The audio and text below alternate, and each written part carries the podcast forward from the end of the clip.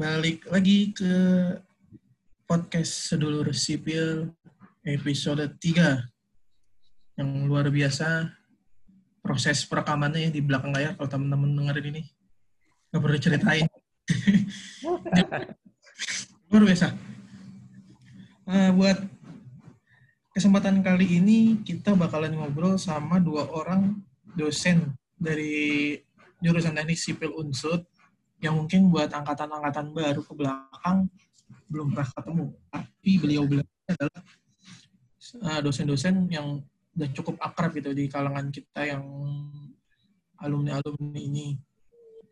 Hmm. Uh, sebenarnya ada satu yang kelupaan dari tadi. Saya belum kenalan. Buat para pendengar ya. ini, uh, saya Hendro Saputra, uh, Teknik Sipil Angkatan 2012, hmm.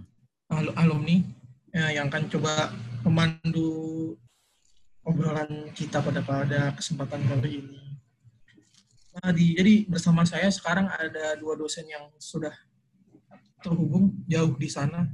Kenapa saya bilang jauh di sana? Beliau berdua ini lagi lanjut studi S3 ya, melanjutkan masa studi di Taiwan. Ada Pak Wahyu Widianto dan Bu Sani Dianika Purnomo. Halo Bapak Ibu, apa kabar?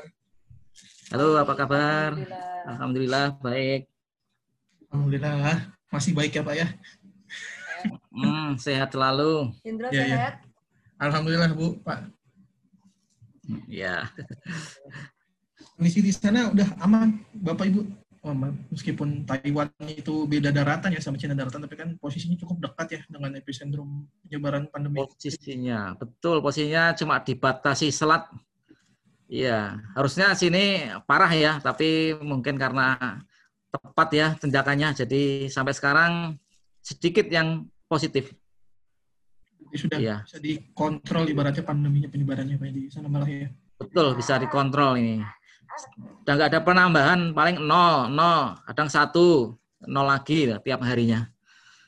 Ya, sudah lebih aman daripada di tanah air tercinta yang masih berusaha ya. kita masih berusaha.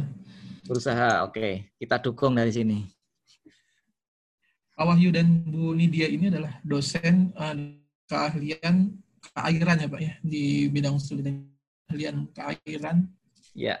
Dan air. Jadi beliau berdua ini ngajar beberapa mata kuliah. Kalau zaman saya dulu sih lumayan banyak dari mulai awal-awal tuh ada mekanika fluida, terus ada hidrologi terapan, terus ada hmm. irigasi, drainase. Hmm. Kalau pilihannya tuh dulu ada teknik pantai kalau nggak salah ya, teknik pantai terus. Ya pilihannya pelabuhan mungkin pelabuhan laut. Oh iya pelabuhan laut, pelabuhan laut lucunya saya baru mulai kuliah sekarang gitu pak jadi saya di kan saya lagi dua nih ceritanya jadi saya hmm. lagi soal analis apa rekayasa infrastruktur pelabuhan laut hmm. tapi dari bukan dari segi, segi strukturalnya lebih ke hmm. manajemen operasionalnya dan hmm. sangat memusingkan saya nggak kuat menantang tapi itu dan sedang diperlukan ya saya kira pelabuhan pelabuhan itu menurut saya kuliah yang karena mungkin karena datanya itu sangat banyak pengolahannya juga pakai simulasi ya. jadi hmm. agak hmm. agak pusing ngikutinya itu hmm ya, ya. menantang menantang ya jadi Pak Wahyu dan Bu Nidia ini adalah kita bisa apa namanya kita bisa ajak ngobrol bareng karena beliau ini adalah juga sepasang uh, suami istri yang juga sepasang lulusan hidro jadi banyak pasang-pasang gitu, pasang-pasangnya. Dan juga pasang Dan juga beliau ini adalah dua-duanya lulusan lulusan Universitas Gajah Mada Yogyakarta ya. Kalau Pak Wahyu itu S1 lulus dua, di tahun 2000 dan S2-nya tahun 2004, Bu Nidia lulus 2004 dan 2006. Hmm. Uh, yeah. Dua-duanya sekarang sedang berkuliah di Taiwan di Universitas apa namanya? Gimana Pak? Namanya National Cengkung University. Cengkung, ya. Iya. Cengkung itu nama pahlawan di sini. Oh, Cengkung. pernah dengar Cengkung? Ya, Ceng Cengkung itu panglima perang gitu. Sebenarnya waktu dulu awal-awal Bapak Ibu berangkat itu beasiswanya sempat di di apa di share share ke kita kita gitu yang mau berangkat lagi sebenarnya masih ada kayak nah. ada slot waktu itu saya tertarik tapi karena sudah terlanjur ke diterima di Bandung jadinya Ha-ha. Tidak. ambil. Oh, iya iya iya. Enggak Iya, masalah soalnya- ya. Soalnya karena saya juga udah ada MOU dengan apa, Ah. LPDP yang sekarang, jadi kalau ininya Ah. saya buang, Ah. ke depannya saya ribet sendiri. Nih, Oh iya, itu PDP bagus sekali ya. Nah, S3-nya ya, Bro ya. Eh, iya, semoga iya. Bapak Ibu. Iya. Amin. Oke, ja- eh. Jadi kita mau sedikit nostalgia ke eh, masa-masa dulu aja nih buat Bapak Ibu buat mengawali pembicaraan kita pada kesempatan kali ini. Iya. Boleh. Nostalgia terkait sebenarnya Bapak Ibu kan dulu sama-sama di UGM. Eh, saya Iya, penasaran. iya. Dulu pertama ketemunya gimana ya Pak? Soalnya kalau saya lihat timeline tahun kelulusan kayaknya tidak ketemu sama sekali. Iya. Dan Bin, pengalaman pertemuan waktu pertama antara Pak Wahyu dan Bu Nidia gimana? Memang nggak pernah ketemu ya sebenarnya. Artinya eh, kita kita tuh nggak kayak yang di TV-TV yang eh, asisten dosen asistenin eh, adik kelasnya, terus adik kelasnya jatuh cinta gitu nggak ada gitu.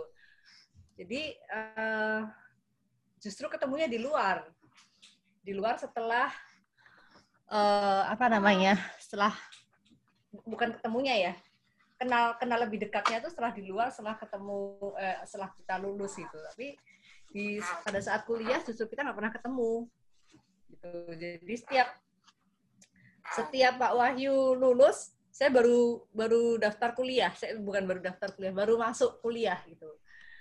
Jadi Pak Wahyu lulus bulan Agustus saya baru masuk bulan September jadi nggak pernah ketemu sama sekali baik S1 maupun S2 sebenarnya Iya. cuma eh, ketemu pertama atau mungkin Pak Wahyu yang lebih inget ya soalnya saya sebenarnya tidak merasa ada ada ada kekhususan Ketemu pertamanya lupa mungkin ya. Tapi kalau ketemu yang kedua atau ketiga, Bu Nitya mungkin ingat ya. Karena pertama saya yang lihat ya, Bu Nitya lagi jalan di laboratorium teknik sipil waktu itu, teknik sipil UGM ya. Di sana ada laboratorium kelautan ya sih, laboratorium Pantai. hidro ya. teknik pantai dibagi-bagi menjadi beberapa ruang itu ada laboratorium hidro, laboratorium pantai. Nah, saya sedang membantu teman saya yang eksperimen. Pak Wahyu waktu itu S2 Saya sudah S2. S1 baru Saya. Saya tesis ya berarti. ya, tesis, Saya tesis saling membantu dengan teman begitu ya kayak adik-adik ini apa eksperimen di lab gitu dibantu temennya. Saya juga sedang bantu temen. Nah Bu Nidya itu lewat gitu. Kayaknya pertama itu saya yang lihat itu ya. Melihat itu sama teman saya bilang eh ya boleh juga ini anak gitu dia kayaknya gitu. Teman saya Manado itu dosen juga sedang ngambil S2 tapi sudah beristri ya. Namanya Pak Tommy sudah beristri. Ya mungkin Pak Tommy bilang ini kayaknya bagus buat kamu gitu. Mungkin dalam hati. Nah, begitu. Tidak ada sesuatu ya. Tidak ada sesuatu yang mengganjalnya. Sedikit sedikit sinyal gitu aja. Gelombangnya nggak terlalu kuat gitu. Sedikit Belum bisa dihubungkan gelombangnya Pak ya. iya belum satu frekuensi lah ya iya habis itu Hmm. Nika pura-pura tanya-tanya dikit ya waktu itu ya beneran tanya bukan Oh pura-pura ya tanya ini apa ini ya itu ya kita jawab ini sedang tesis ini sedang percobaan gitu. Ya tuh tok eh, paginya atau apa ya lusanya itu Bu Nitya datang lagi tapi tidak sendirian itu. Kayaknya ada cowok yang nemeni. ada cowok yang nemeni ya.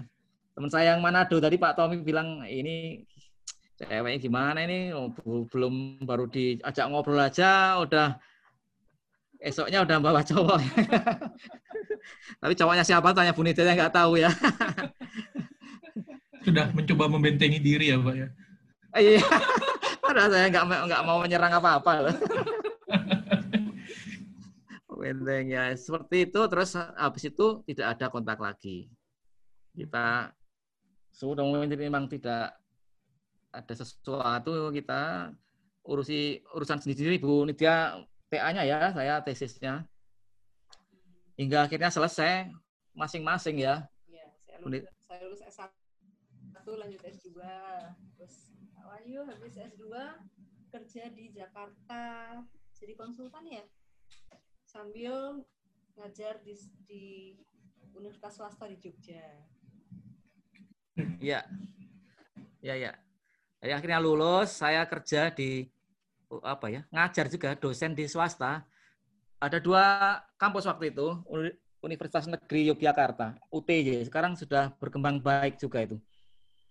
Besar juga. Kemudian duanya Politeknik binaan dari Universitas Negeri Yogyakarta. Hanya sayang Politekniknya sekarang sudah nggak ada sepertinya sebagian dari bagiannya berdiri sendiri jadi kampus tersendiri begitu. Jadi saya sebelum di Unsur saya pernah ngajar swasta di Jogja, tapi untuk sambilan ya, sama-sama sambilan karena saya juga ikut konsultan di Jakarta gitu, saya bolak-balik.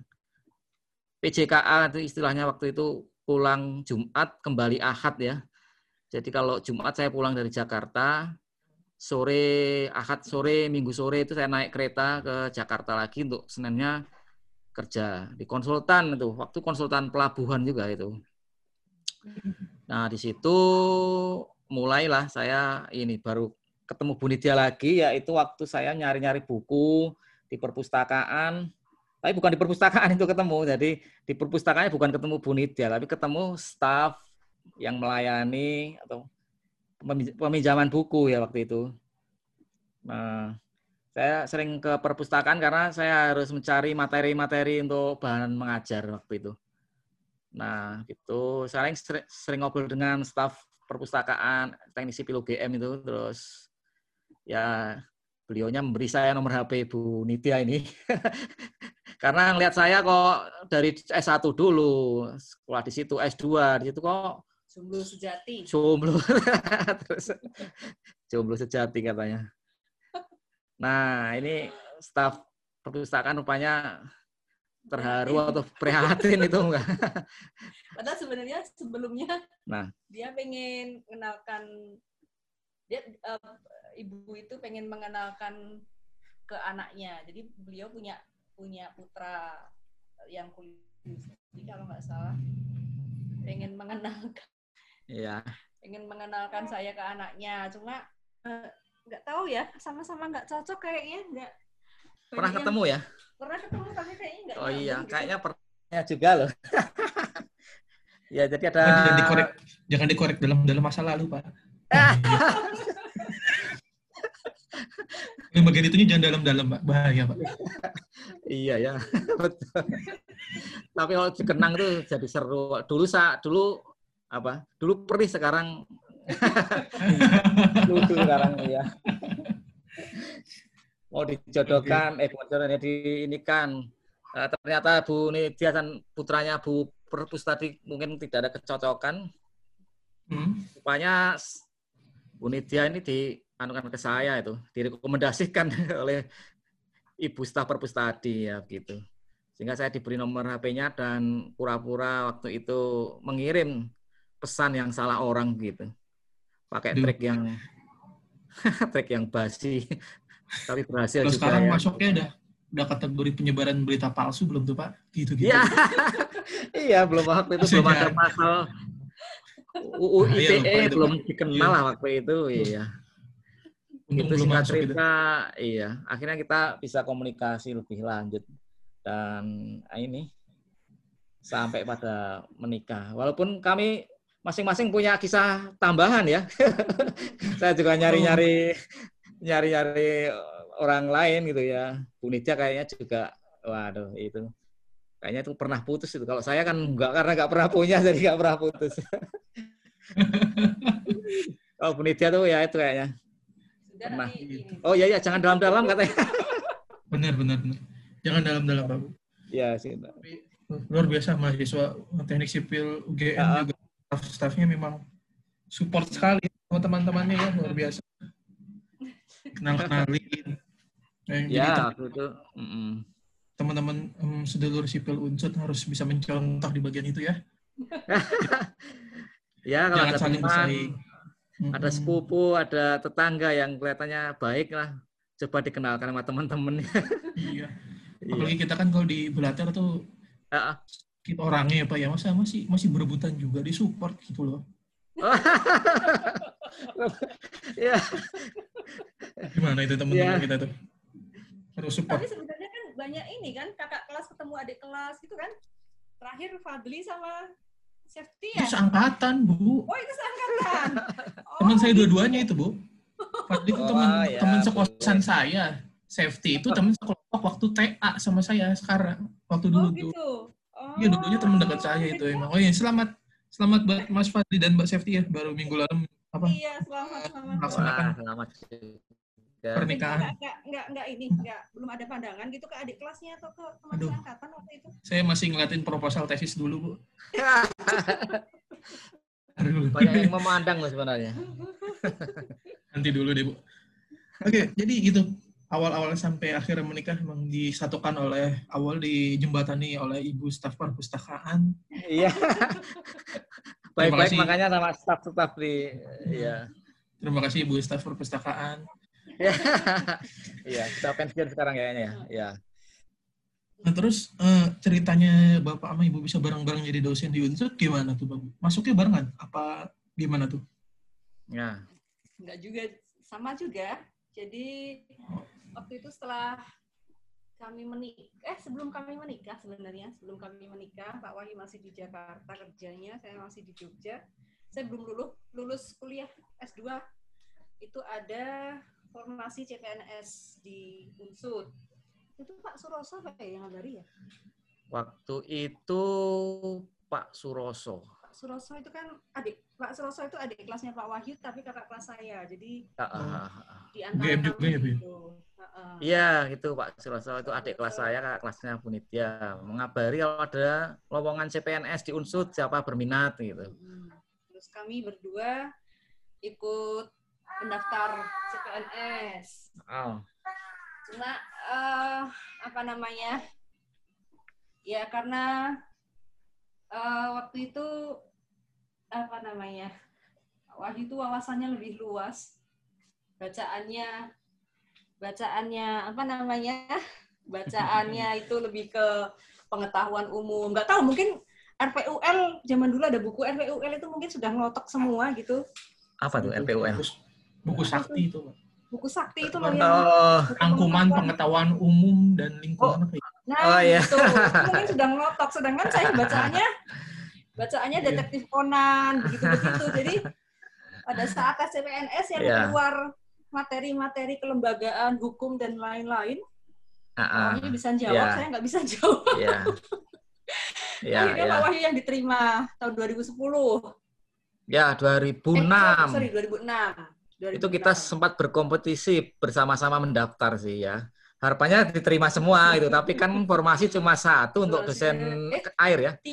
Sebenarnya formasinya tiga. Formasinya tiga, tapi ada untuk struktur, ada untuk Yang keterima ini Pak Pak Agus, Bu Eva sama Pak Wahyu. transport.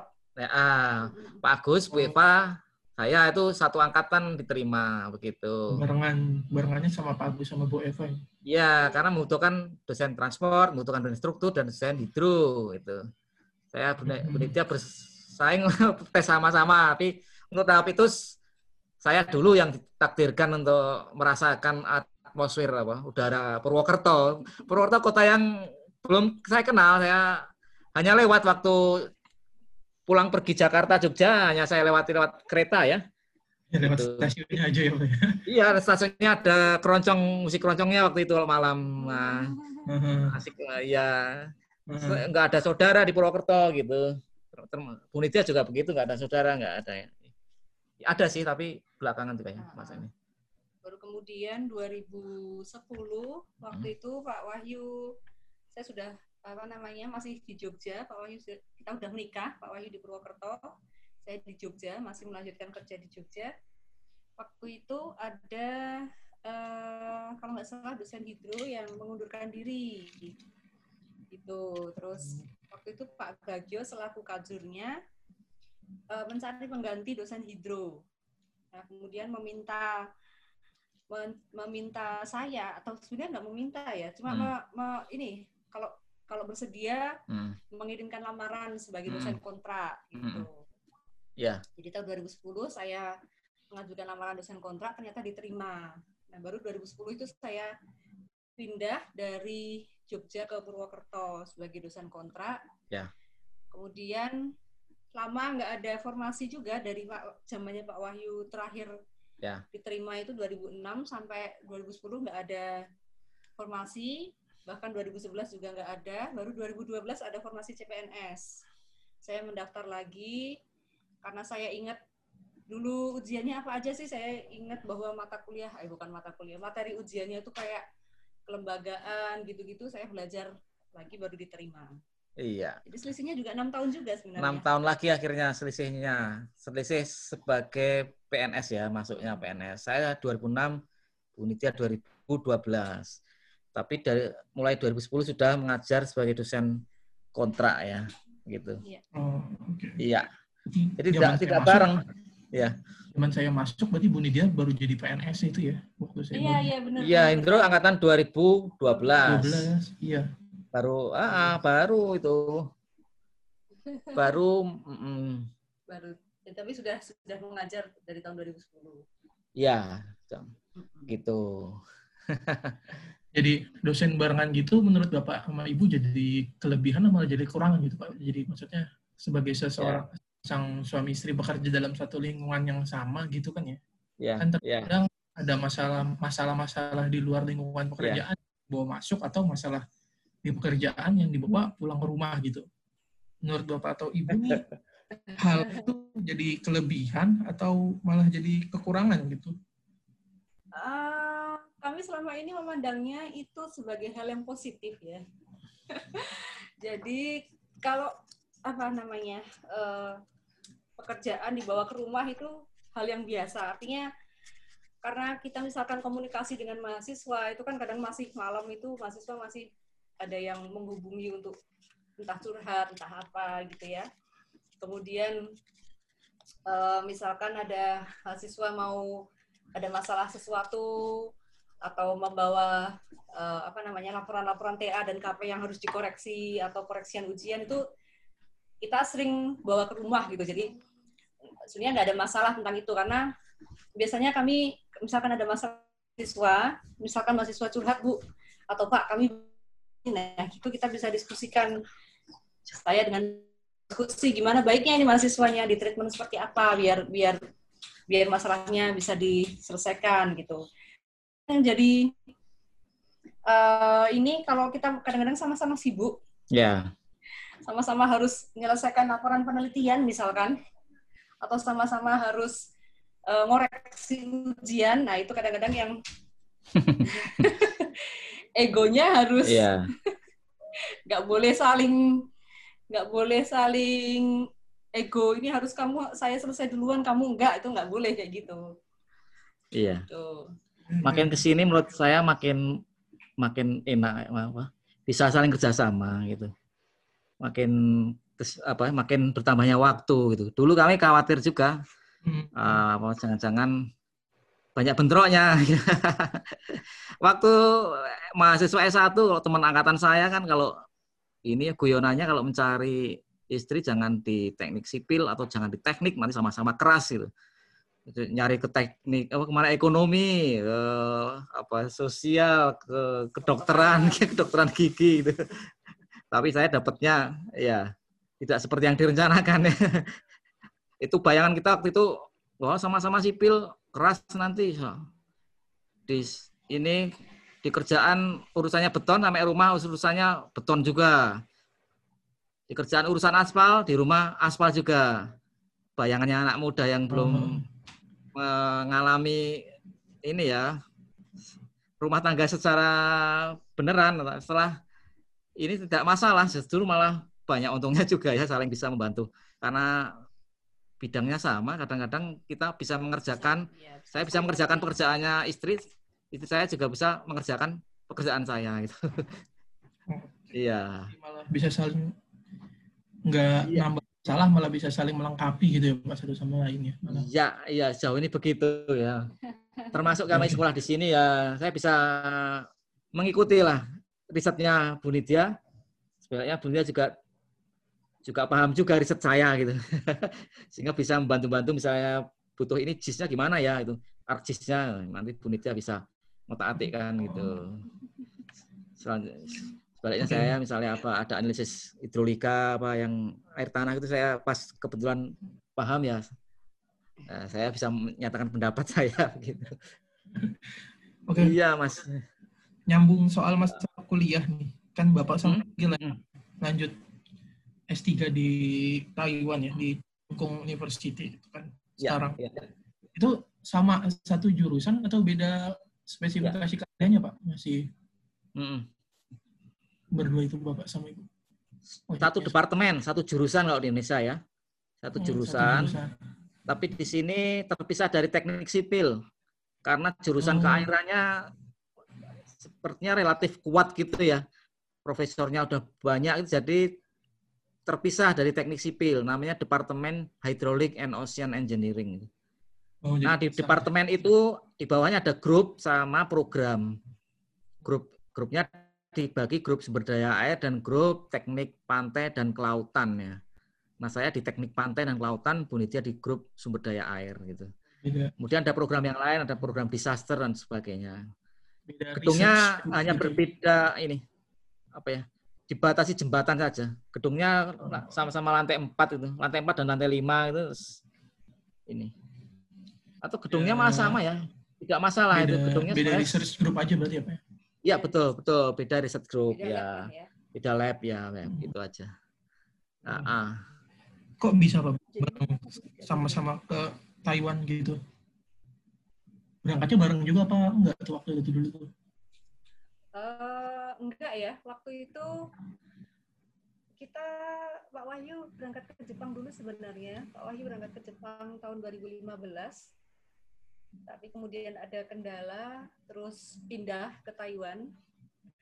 Uh, sebenarnya pada saat Pak Wahyu di Jepang itu saya juga berusaha mencari-cari celah gitu. Jadi kita ini kan sama-sama dosen, jadi harus sama-sama sekolah sampai S3 karena memang dosen diwajibkan untuk sampai sekolah sampai S3 gitu ya.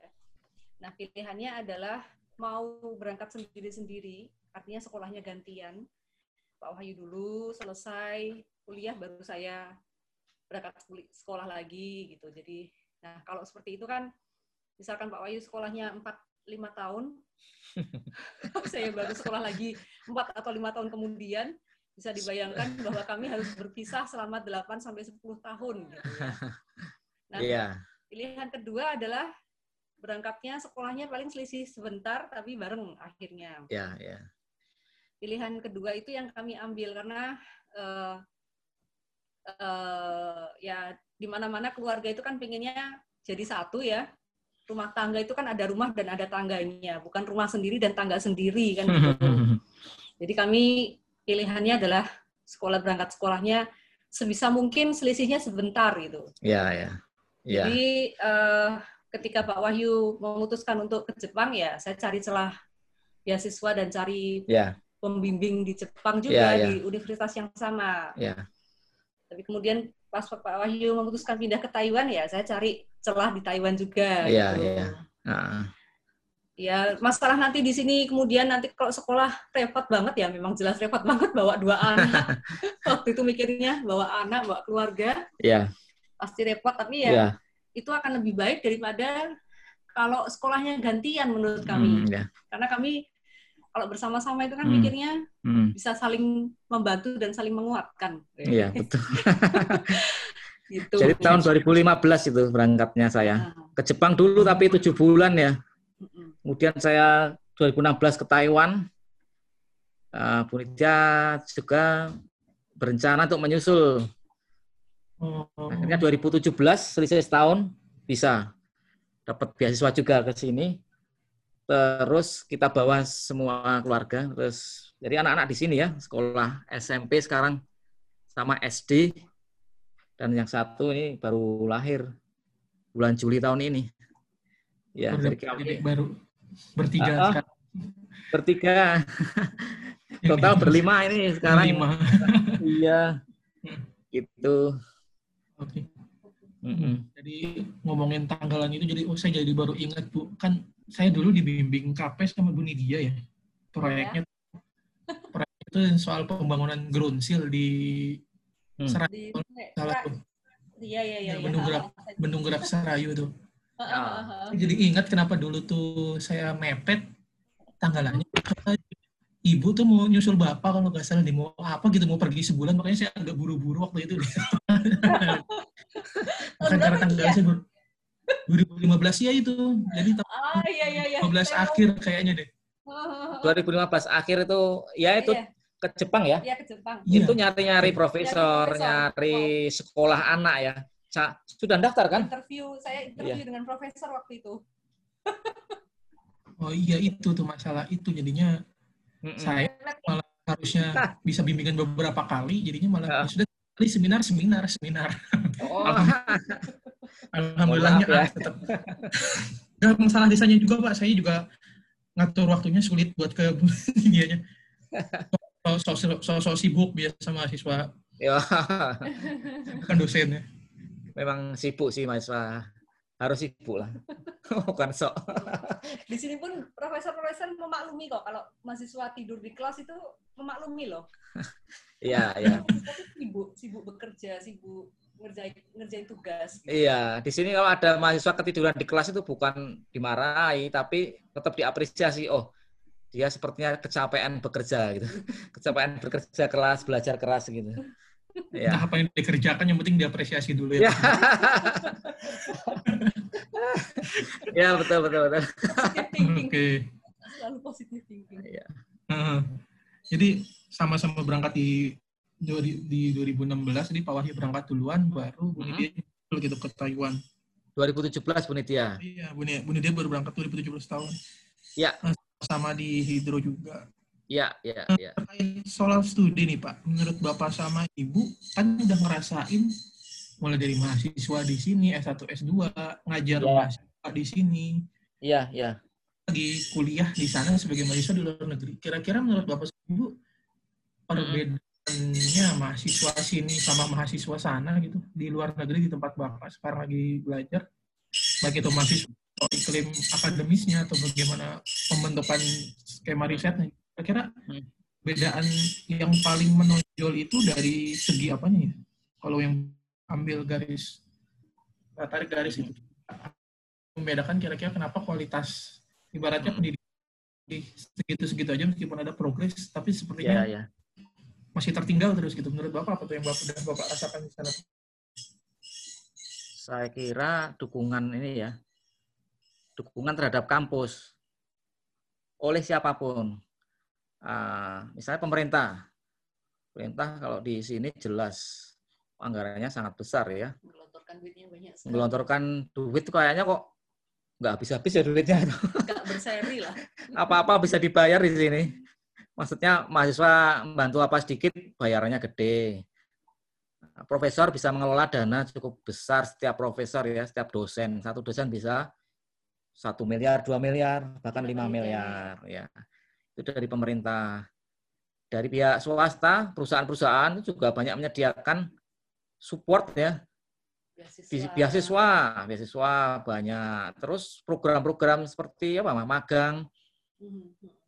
intensif itu gratis ya mahasiswa gratis belajar di perusahaannya ya nanti diberi apa apa uang saku penginapan makan gitu jadi memang apa ya dukungan anggaran dukungan policy gitu akhirnya membentuk ini kinerja yang bagus.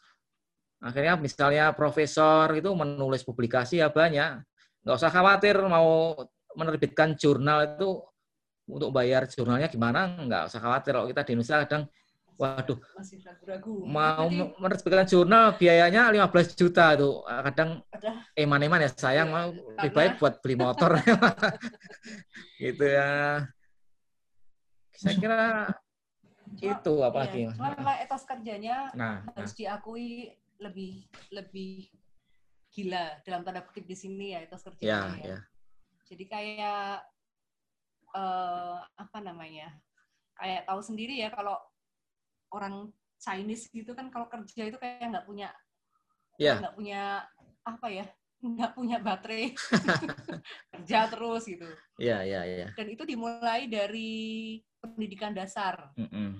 Jadi dari SD itu sudah sudah ditanamkan untuk kerja keras gitu. Dikasih setiap hari dikasih tugas, dikasih yeah. PR. Iya, yeah, iya. Yeah. Dan uh, itu kemudian tumbuh terus. Jadi dari sini pelajarannya itu uh, yang ditekankan logika-logika ya kalau nggak hmm, salah ya. Hmm, hmm. Logika atau dalam tanda kutip filosofi tapi ya masih inilah. Jadi uh, misalkan matematika itu tidak cuma hafalan gitu tapi kita kalau lihat soalnya anak-anak itu sampai ke bisa sampai ke macam-macam ini yeah, ya jenisnya yeah. gitu. Iya, yeah, iya. Yeah. Jadi dalam gitu. Nah, kemudian ketika mereka sudah ditanamkan hal-hal semacam itu, kerja keras, kemudian materi-materinya juga hmm, sudah hmm. sudah uh, ditanamkan dari logika-logikanya itu ya mereka pada saat sudah sampai ke perguruan tinggi mungkin lebih lebih enak hmm. ya ininya ya. Iya, iya kerja ya, ya. sudah etos kerjanya juga lebih ini sudah lebih terjaga juga. Iya, jadi sejak SD tiap hari kita anu ikut membantu anak kita menyelesaikan PR nih. PR ini tidak sedikit, bisa beberapa halaman ya. Hmm. Terutama kami, kami karena bahasa Cina yang kami bisa ya matematika, bahasa Inggris, sedikit fisika gitu ya.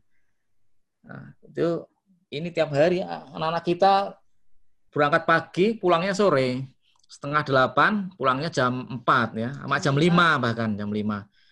Nah, nanti masih banyak kegiatan lain seperti klub dan sebagainya ya. Iya, ada klub. klub. Semua orang bekerja keras ini sepertinya. Jadi etos kerja ini yang barangkali perlu kita kejar ya, kita, kita tiru, tiru itu. Jadi kalau kita lihat Cina sangat maju, tumbuh pesat. Sebentar lagi mengalahkan Amerika dan kita banyak membenci negara Cina karena memang majunya cukup pesat. Ini kurang lebih Taiwan seperti gitu. Budaya, kultur, dan sejarahnya kan berkaitan erat dengan Cina ya. Cuma beda hmm. sistem politik saja. Di Cina komunis, di sini demokrasi.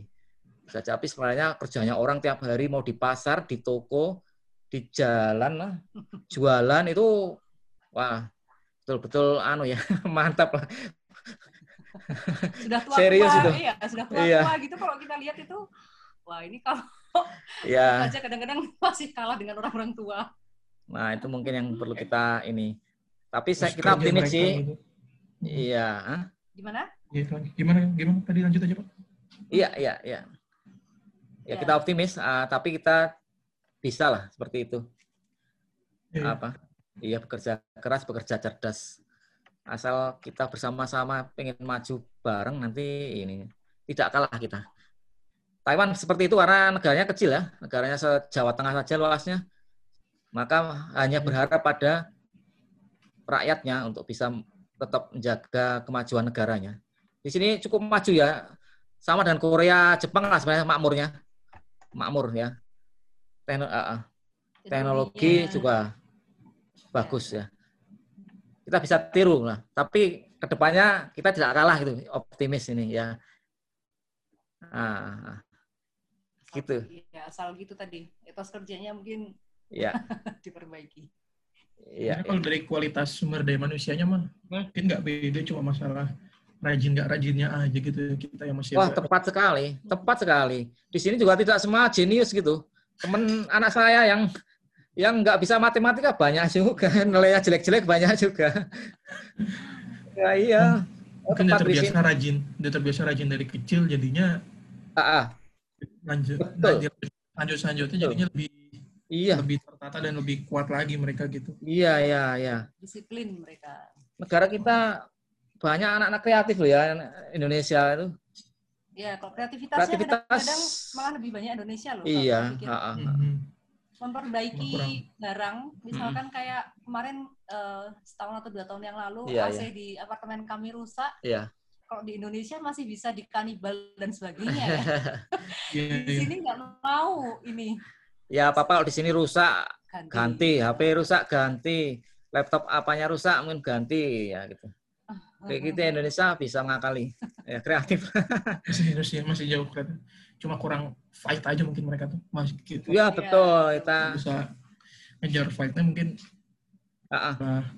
sejajar sejajar sama Cina mah harusnya. iya. Benar, benar. Benar lah. Iya, okay. betul. Iya, ya. Mungkin kita lanjut ke ini aja ya Pak Bu. Sisi ada pertanyaan dari para teman-teman. Tadi kan kemarin kita udah buka open question di Instagram Hmm, hmm, hmm. Hmm. dari sipil. Ada banyak sebenarnya. Cuma coba saya rangkum aja karena hampir sama-sama semua nih. Kan yang paling banyak sebenarnya soal titel yang secara nggak langsung disematkan ke Bu Nidia gitu kan ya. Sebuah titel kayaknya jadi urban legend di teknik sipil unsur. Oh, Semua orang tahu kalau Bu Nidia tuh eh, ibu perinya mahasiswa teknik sipil unsur gitu. Sangat baik. Nilainya nilai ngasih nilainya royal, ngajarnya juga enak meskipun masalah nilai saya masih setuju nggak setuju karena saya masih dapat C di lagi terapan. McFlu saya juga. Oh kalau McFlu nggak, McFlu nggak ketemu Bu Nidia dulu. Saya McFlu sama Pak Soroso sama Pak Purwanto. Tapi tetap, Hmm. Iya, Mhm. iya. Mhm. oh iya, kayaknya kuliah hidro saya nggak ada yang A loh semuanya rata. Oh, gitu ya? Aduh. sampai PBA PB, PBA yang teman-teman saya tuh ah kayaknya saya B deh juga Dosen, dosen, dosen responsinya bukan saya kan? ibu Aduh. tapi A res- eh iya ibu ibu Bu Nidia kok responsinya Tapi di TP, di TP Indro Apa? ambil apa ini? Bukan hidro di- kan? Bukan pak di transport pak saya sudah menjauh saya sudah angkat tangan Ya tepat, ya tepat. Nggak masalah transport ya. Saya dulu punya dosen transport juga di UGM, udah terkenal namanya. Eh, Pendapat-pendapatnya diikuti oleh pemerintah gitu. Beliau bercer- bercerita kalau analisis strukturnya itu dari 1 sampai 4 tuh D semua gitu. Jadi nggak apa-apa, akhirnya ahli transport gitu. Ahli transport memang ya tidak harus ahli struktur, analisis strukturnya bener pak gitu. kita Iya. berusaha di yang kita bisa aja gitu jangan maksa lah Iya. kalau yang di hidro tuh yang lanjutin bareng lagi di TB bareng saya tuh ada Mbak Sarti sama Mbak Dian Kurnia Utami pak senior saya tuh yang angkatan Oh, iya, iya, iya. Dia- lagi lanjut dua-duanya di tapi di teknik sipil di PSDA-nya yang mengembangkan Oh. Dulu padahal itu skripsinya bukan hidro ya? Coba. Iya. Nah. Iya sama saya dulu. banyak Oh iya iya. banyak hidro Oh iya iya. Kayaknya bimbingan saya. Tuh. Mm, sekarang mereka udah lagi lanjut hampir bareng lah ya, satu semester kalau nggak salah sama saya Oh soal ibu peri ya silakan silakan. gimana nih Bu Nidia ada kalau ibu dicap sebagai dosen yang seperti itu Sebenarnya nggak tahu ya, saya juga eh, tidak tidak menyengajakan diri. Artinya kenapa bisa disebut royal ya? Sebenarnya gini, saya lebih ke eh, menghargai sebuah proses ya, menghargai sebuah eh, perjuangan lah, katakanlah gitu ya. Jadi kalau ujian, ujian itu saya yang saya nilai tidak cuma benar atau salah gitu ya, tapi juga eh, apa namanya caranya dia mengerjakan. Kalau analisis pakai hitung-hitungan kan kelihatan itu biasanya kelihatan apakah dia ngerjakannya itu memang paham atau memang cuma nebak-nebak buah manggis gitu ya kan kelihatan.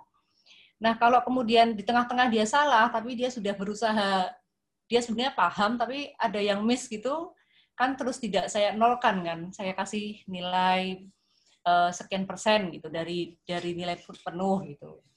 Atau misalkan pada saat masih soal yang isei gitu ternyata jawabannya eh, ngarang indah atau ngarang tapi sebenarnya paham gitu itu kan juga kelihatan itu juga saya kasih nilai.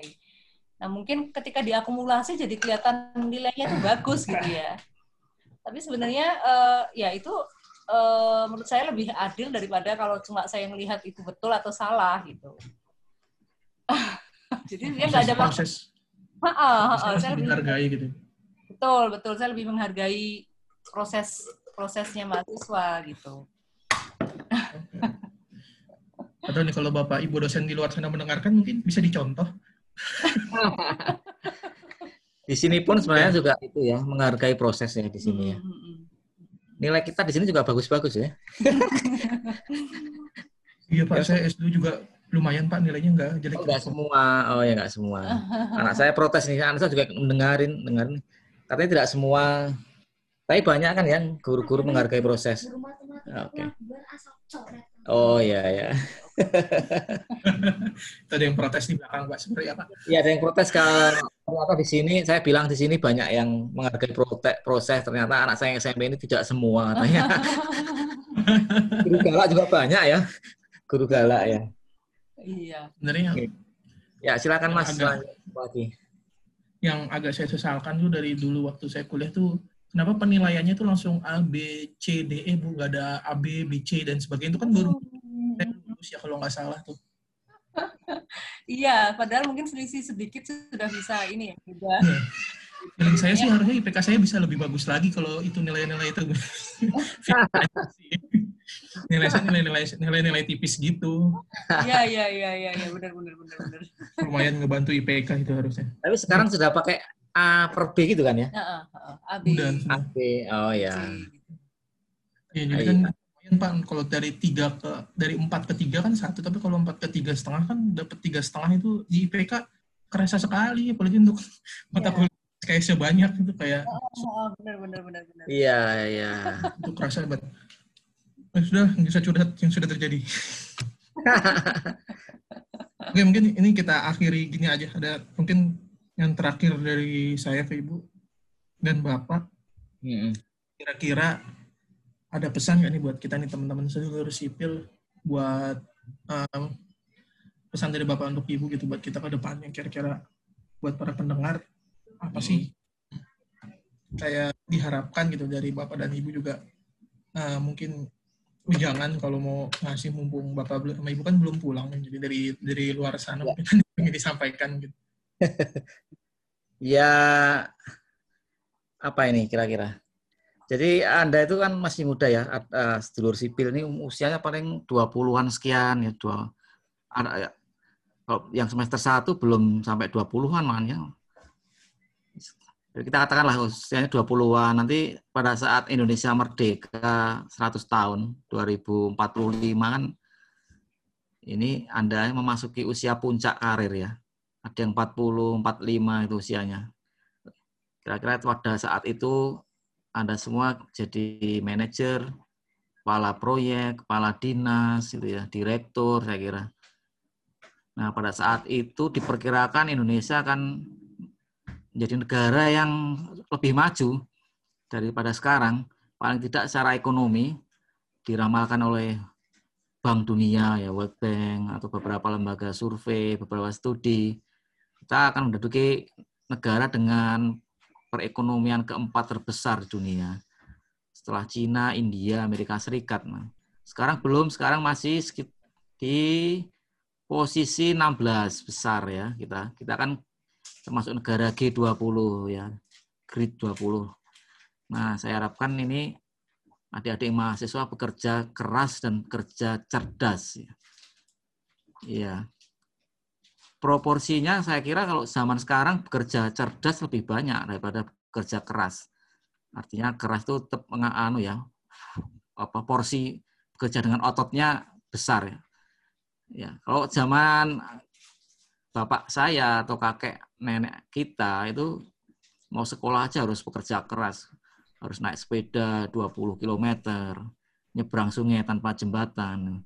Nah, sekarang sudah banyak fasilitas yang tersedia tinggal kita manfaatkan dengan cerdas. Ya, ini yang perlu kita tumbuhkan, tanamkan ya. Saya tapi tetap optimis dengan generasi muda Indonesia ya yang akan apa membangun bersama Indonesia dari tahun 2020 ini sampai Indonesia 100 tahun merdeka nanti. Mudah-mudahan saya masih bisa menyaksikan itu ya.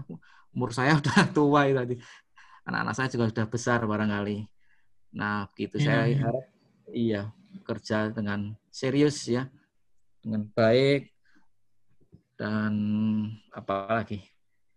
Ya, kita berpegang teguh pada nilai-nilai religius, nilai agama itu keunggulan kita dibanding negara lain ya itu saya optimis dan kita bersama optimis ya mudah-mudahan eh, ke depan negara kita akan terus bergerak maju begitu mas mas Indro ya Satu pertanyaan terakhir yang mungkin ditunggu-tunggu oleh para pendengar di luar sana. Ya, Ada ya. Bapak sama Ibu pulang kapan ya? ya. Kapan enaknya? Sedulur sipil kapan berharapnya kita pengen juga ketemu ya. Sebenarnya udah pengen pulang. Sudah segera pengen pulang. Pengen makan bakso dan makan sate dan sebagainya. Ketemu keluarga besar gitu ya. Ketemu orang tua gitu. Cuma eh, apa namanya? Harus menyelesaikan banyak hal juga di sini. Eh, ada kalau kami mau lulus itu kan syaratnya juga harus publikasi internasional, harus konferensi internasional gitu. Ya. Nah, kami sedang berusaha untuk saya terutama, kalau Pak Wahyu mungkin sudah, sudah eh, sebagian besar syaratnya sudah, tinggal defense aja sebenarnya. Kalau Ya. saya kan masih harus nulis publikasi internasional. Ya, Ya, doakan saja semoga segera di-accept, ya, ya, di-accept sama jurnalnya. ya. Ya, tapi tahun depan insya Allah lah ya. Harapannya depan, 2000 2021 Ya, bisa ya. pulang, balik ke Indonesia, balik ke Unsur. Ya, kalau saya sebenarnya sudah wisuda ya. Saya sudah wisuda tapi belum pendadaran. Yang dikatakan Bu Nidia, mudah-mudahan segera bisa defend. Defend artinya pendadaran ya di sini. Tapi saya sudah wisuda dan saya sudah aktif mulai semester ini. Seharusnya saya juga segera pulang untuk bisa bergabung secara aktif dengan rekan-rekan kolega di Unsud ya, Teknik Sipil Unsud. Cuma saya kan belum ujian ini belum ujian, nanti saya mau menyelesaikan ujian dulu. Ujian pendadaran itu ujian defense. Seperti Bu Nida katakan, kemungkinan besar kalau bersama-samanya pulang 2021. Lebih tepatnya kira-kira Juni-Juli ya. Iya. Bersama anak-anak, nanti anak-anak juga akan pindah sekolah di Indonesia nanti. Nah, di sini nanti Juni sudah selesai. Udah naik kenaikan kelas Juni, nanti Juli langsung mulai di Indonesia barangkali. Gitu. Mudah-mudahan segera bisa ketemu sedulur sipil ini ya. Jadi yang tinggal 8 bulan lagi ya coba kita jalani. Mudah-mudahan tuntas di sini. Begitu Mas. Ya, Oke. Terima kasih banyak sekali lagi nih buat Pak Wahyu, Bu Nidia atas sharing dan ngobrolannya pada hari ini luar biasa Bapak ya, ya, kali ini. ya. Sama-sama. Ini buat makasih waktunya, Pak. Makasih eh, ilmunya dan yang ya, bisa dibagi. Iya Bu, Bapak. Semua. buat teman-teman di luar. Jadi monggo ditunggu dan didengarkan terus podcast Sedulur Sipil yang bakal kita update terus dan kita bakal gunakan sebagai sarana silaturahmi dan berbagi pengalaman antara alumni, antar mahasiswa dan juga seluruh kita di keluarga besar teknik sipil unsut. Nah, semoga ke depannya bisa segera bertemu gitu dengan Pak Wahyu dan media bisa kembali ke unsut dan bisa membagi segala yang sudah didapatkannya sewaktu kuliah S3 di Taiwan juga uh, bisa segera diaplikasikan dan di, jadi apa Ya. dikasihkan dan ditulurkan mungkin ya ke teman-teman semua gitu. Ya, amin. Ya, ya. Mungkin gitu aja dari saya dan pada kesempatan kali ini sekali lagi terima kasih buat waktunya Pak Wahyu, Bu Nidia. Semoga sehat selalu. Salam buat uh, adik-adiknya di sana Ya. yang enggak kecil-kecil itu semoga semangat sekolahnya meskipun biasanya Ya, ya, terima kasih. Ya. saya yakin bisa bisa lulus dengan baik. Ya, Itu aja. ah, Terima kasih Ya. buat para pendengar. Kita ketemu lagi di episode selanjutnya di podcast Sedulur Sipir. Uh, saya Hendro Saputra. Sekian. Terima kasih. Dadah.